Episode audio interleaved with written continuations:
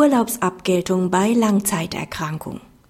Der Anspruch auf Abgeltung nicht gewährten Urlaubs im Fall der Langzeiterkrankung umfasst in der Regel auch vertragliche Mehrurlaubsansprüche. Der Arbeitnehmer ist seit Mai 2007 arbeitsunfähig. Er erhielt bis zum Eintritt der Arbeitsunfähigkeit keinen Erholungsurlaub. Der Arbeitsvertrag sieht vor, dass dem Angestellten ein Urlaub in Höhe von insgesamt 26 Arbeitstagen gewährt wird. Das Arbeitsverhältnis endet am 31.07.2007. Die Arbeitsunfähigkeit des Arbeitnehmers besteht auch nach der Beendigung des Arbeitsverhältnisses ununterbrochen bis zum 1.12.2008 fort. Mit seiner Klage verlangt der Arbeitnehmer Abgeltung von 26 Urlaubstagen für das Jahr 2007. Nach Auffassung des BAG steht dem Arbeitnehmer ein Abgeltungsanspruch in dieser Höhe zu. Mit der Beendigung des Arbeitsverhältnisses wurde der Anspruch auf Urlaubsgewährung bezüglich des tatsächlich nicht genommenen Urlaubs in einen Abgeltungsanspruch nach 7 Absatz 4 Bundesurlaubsgesetz umgewandelt.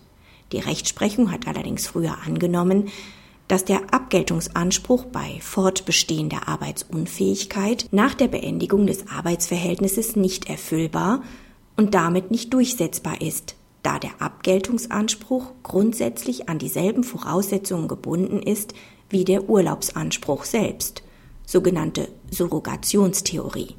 Damit wäre der Abgeltungsanspruch des Arbeitnehmers im Ablauf der Übertragungsfrist an sich am 31.03.2008 untergegangen.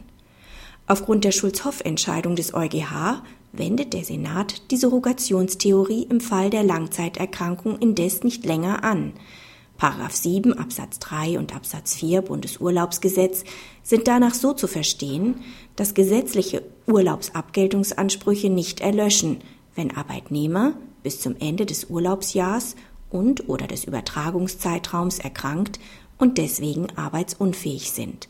Das Vertrauen der Arbeitgeber in die Aufrechterhaltung der früheren Rechtsprechung ist seit dem 24.11.1996 nicht länger schutzwürdig.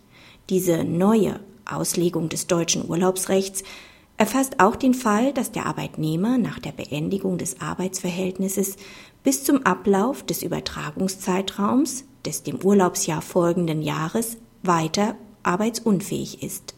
Dem Arbeitnehmer steht daher dem Grunde nach ein Abgeltungsanspruch zu. Das gilt nicht für den gesetzlichen Mindesturlaub, sondern auch für den vertraglich vereinbarten Mehrurlaub in Höhe von sechs Urlaubstagen.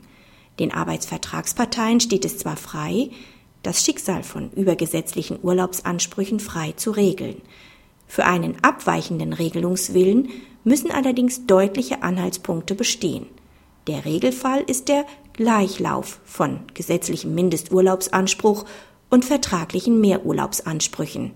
Das gilt auch für Arbeitsverträge, die vor der Schulz-Hoff-Entscheidung des EuGH geschlossen wurden. Im vorliegenden Fall ist ein vom Gesetzesrecht abweichender Regelungswille der Vertragsparteien nicht zu erkennen. Die Parteien haben den Urlaubsanspruch im Arbeitsvertrag ohne jede Unterscheidung zwischen dem gesetzlichen und vertraglichen Urlaub geregelt und einen Gesamturlaubsanspruch von 26 Urlaubstagen vereinbart. Ausblick die Entscheidung klärt eine der offenen Folgefragen, die sich aus der Schulz-Hoff-Entscheidung des EuGH für das deutsche Urlaubsrecht ergeben. In der Praxis haben Unternehmen bislang überwiegend argumentiert, dass sich der Abgeltungsanspruch bei der Beendigung des Arbeitsverhältnisses von langzeitkranken Mitarbeitern auf den gesetzlichen Mindesturlaub beschränkt. Mit der vorliegenden Entscheidung ist nun klargestellt, dass im Regelfall auch vertragliche Mehrurlaubsansprüche von der Abgeltung umfasst werden, da in der Praxis bislang kaum Arbeitsverträge existieren, die eine ausdrückliche Differenzierung zwischen gesetzlichen und freiwilligen Urlaubsansprüchen vorsehen.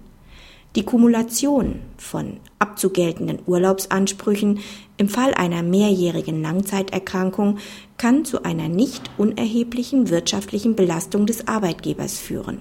Insoweit ist zu beachten, dass eine Vorlage bei dem EuGH anhängig ist, die sich auf die Frage bezieht, ob gegebenenfalls auch eine endlose Anhäufung nicht genommenen Urlaubs im Fall einer Erkrankung europarechtlich geboten ist